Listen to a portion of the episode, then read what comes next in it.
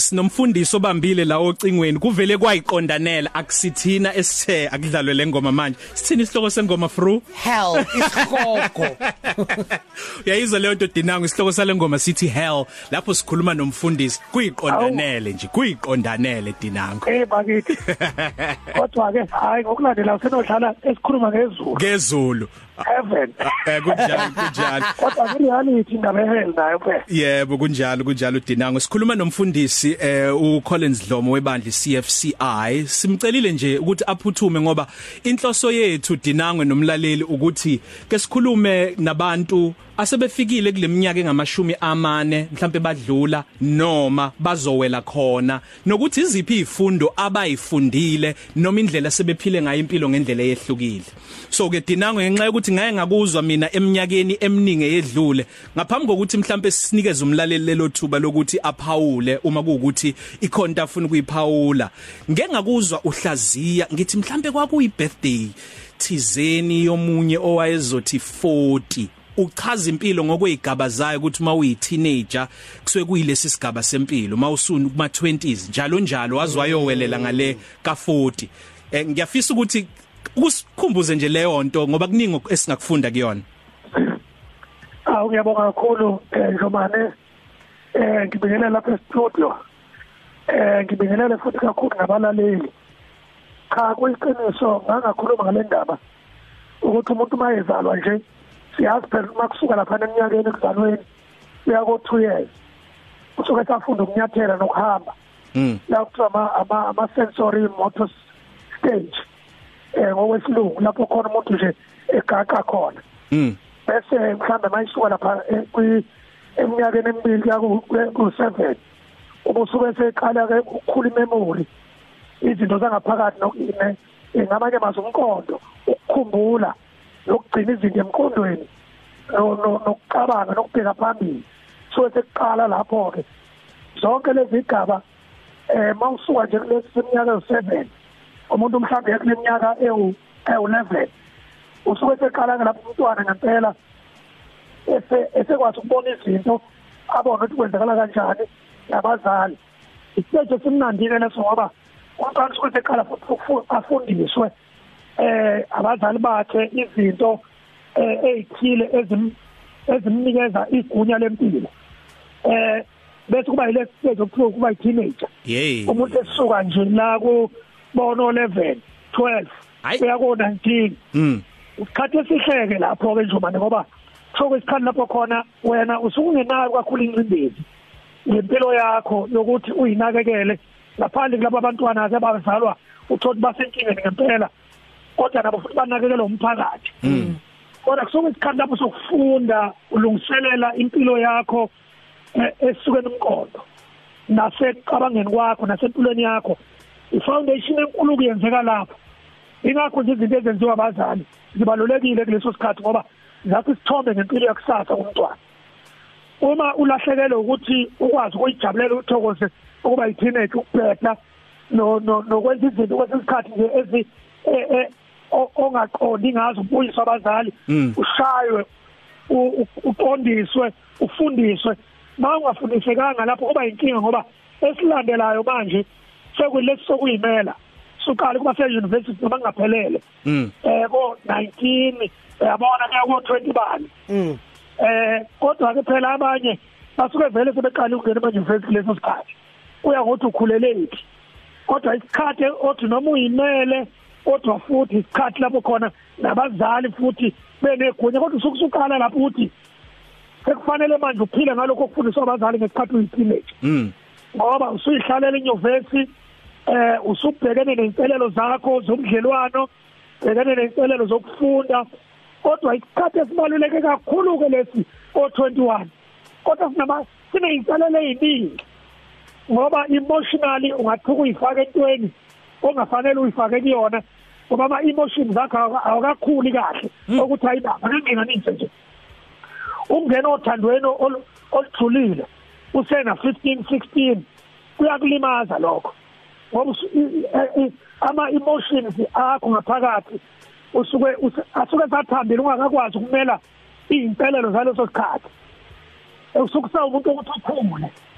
Kodwa ke kuyenzeka ke izimo zempilo abantu bayithole belapha Hey, ingakho Nkosi uthola ukuthi uma bengayilungisanga kahle lesimo later on uthola ukuthi ama emotions akhe alimalile bese ba nenkinga enkulu ke edlalaneni lesikhathi esilandelayo. Kodwa ke bese kulesi sigaba ukuthi ngithatha igaba lesi ke senyuvesi. Dinango. Hayi ke na- noma ngathi nyuvesi mhlambe nje ekufundeni izinto noma ngabe uthi ufunda enyuvesi noma ufunda kusiphi isikhungo noma ukufunda ukubona kwabanye abantu ungabanga nethuba lokufundeni hayi sibalulekile ke lesi. Ngoba isona manje na ke sisuke sisho ukuthi uzophila kanjani ke usu over 30 si foundation yokuthi uphi umbono wakho yiphi impilo yakho uzobe wenzani uzobe uyiphilisa kanjani? Kodwa khona abanenhlanhla ukuthi vele mase ku 20 bani 25 basuke sebeqalile vele babe sesigabeni abaningi baba bayithola eminyakeni leyo kuba 30 umuntu semosha kakhulu. Mm. So nami ngikhuluma nge-experience yami mina nje um ngenxa yokukhula kwami ngangifunda um ngaze ngaqeda ngiya ko-twenty seven ukufunda enyuvesi. Lokho kwaba yi-foundation yokuthi mase ngiqala u-twenty seven twenty eight twenty nine thirty sengiqala-ke manje sengiyasebenza-ke. Mm. Kodwa-ke nalapho kubalulekile esikhathini esiningi usuke usayibheka ivision yakho nempilo yakho nokuyiphakamisa kwakho uyabona? La ko-twenty seven thirty indaba ingawe ukuthi ngitholani? Imali engakanani impilo ibaluleke kangakanani? Yenza kangakanani? Ungawe. Mm asivele sibambe lapho wedinangwe ngoba engathi mnandi futhi i master class. Into esizovele siyenze sizobe sikufonele bese ungena ku 30 obiza ngobani wena fru? Dathi 30. ebese futhi kwenye ingcenye usingenele ko kulo 40 ke esifuna ukuxoxa ngawo nomlaleli. Sizobuya nje sikufonele ngoba isivele yajika yaba i master class. Sobe sikufonele dinangwe siyabonga kakhulu.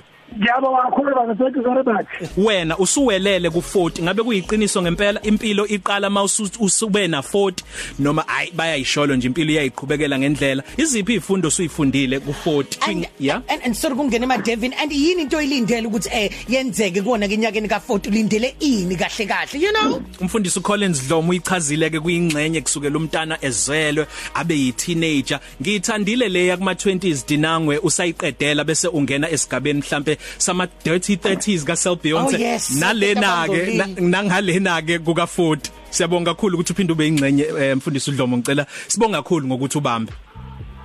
Ngiyabonga ngiyabonga kakhulu Njomani ngicela ukuthi ngihlanganise le ka-30 no no no 40 yebo. Ngithatha ngokuthi eh isikhathi sika 40 mawufika kusona eh si- sinenselelo. Yokuthi usuku usuqala ukubona ukuthi this is serious. Eh ngisilo. Uyabona ukuthi hey futhi manje usuku usubona ukuthi u50 useduzane ukuthi akube phakathi nomkhawulo wokuphila. Hey.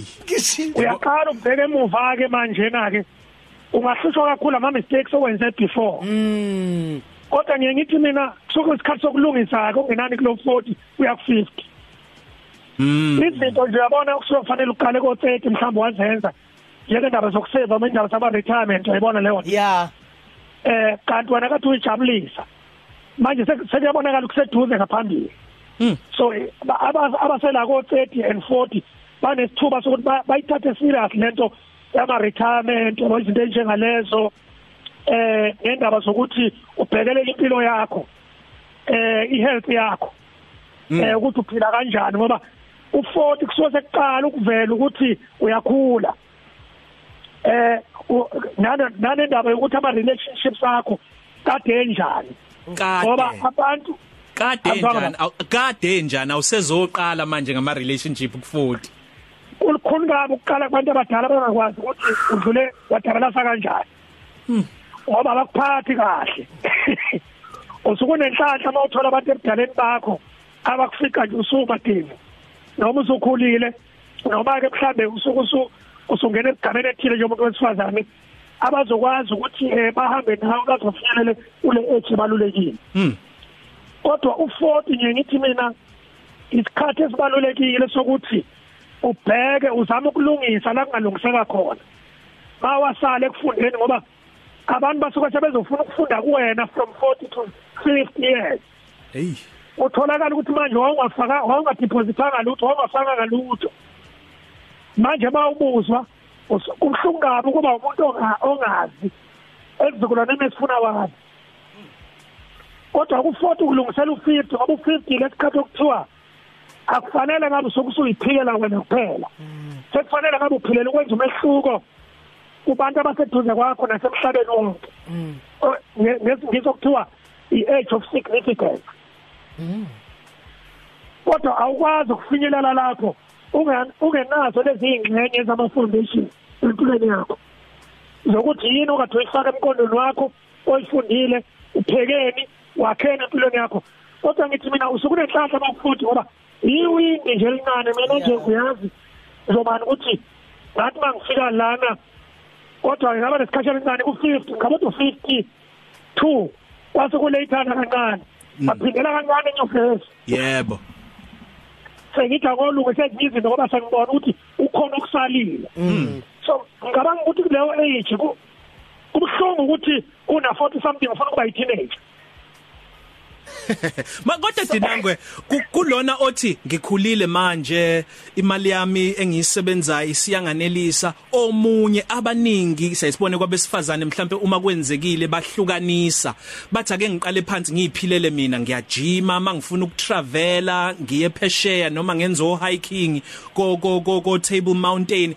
Ngiyazijabulisa. Uthini kuleyo ngcenye yalabo bantu? Mhlambe okusuke kade kube ne trauma mhlambe sebefuna ukuphila ngokuyijabulisa masebe bekuma 40s ngicabanga ukuthi i- injabulo yona uNkulunkulu asimesele yona ukuthi uthe uzini ukuthi sibe nokuphila sibe nakho ukuqiqiza eh uma unethuba lokuthi impilo yakho uyihlele kahle sekufika isikhathi sokuthi impilo yakho vele kufanele impilo ibe balanced.